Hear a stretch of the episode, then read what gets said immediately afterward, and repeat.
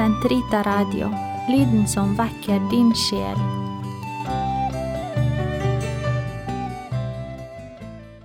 Den katolske kirkes katekisme, uke 18, søndag, paragraf 2691 til 2696.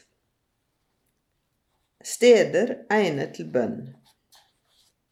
Kirken, Guds hus, er det rette stedet for menighetens liturgiske bønn.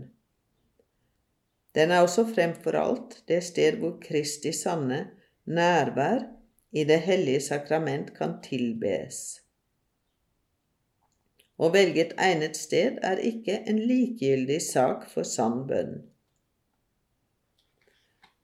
For personlig bønn kan det være en bønnekrok med Den hellige skrift og noen ikoner, slik at man der kan oppholde seg for Faderens åsyn i det skjulte. I kristne familier er et slikt lite kapell gunstig for felles bønn.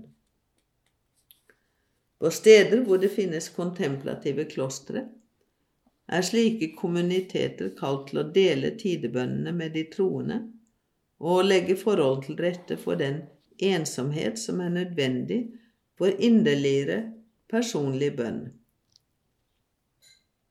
Pilegrimsferder minner oss om vår vandringsgang på jorden mot himmelen. De er tradisjonelt særlig begunstigede tidspunkter for å fornye bønnelivet. For pilegrimer som søker sine levende røtter, er valfartssteder usedvanlig gunstige for å oppleve hvordan det er på ulike måter å be som kirke. Kort sagt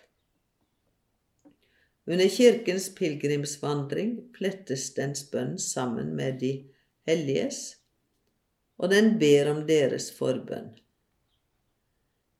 De ulike former for kristen spiritualitet er del av den levende overlevering av bønnen og er verdifulle veivisere i det åndelige liv.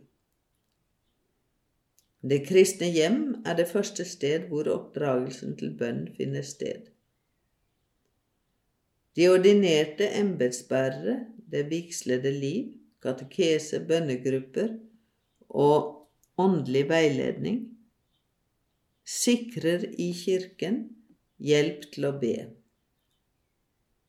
De steder som best egner seg til bønn, er private kapeller, enten for en selv eller for hele familien, kontemplative klostre, valfartssteder og fremfor alt Kirken, som er det rette sted for menighetens liturgiske bønn, og det særlige sted hvor Eukaristien kan tilbes.